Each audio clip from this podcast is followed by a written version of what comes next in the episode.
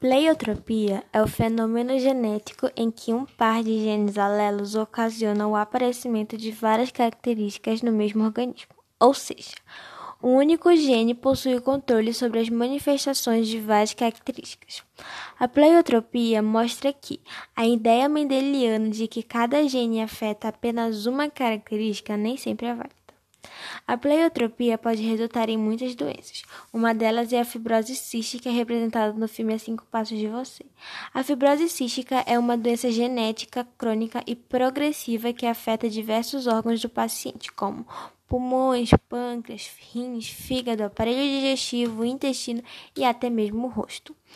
A doença é autossômica recessiva, ou seja, ocorre quando uma pessoa, uma pessoa herda os genes CFTR defeituosos, tanto do pai quanto da mãe.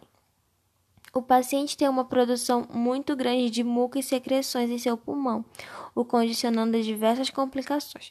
Por isso que profissionais de pneumonologia e da fisioterapia respiratória são essenciais para o bem-estar do paciente para uma vida mais plena.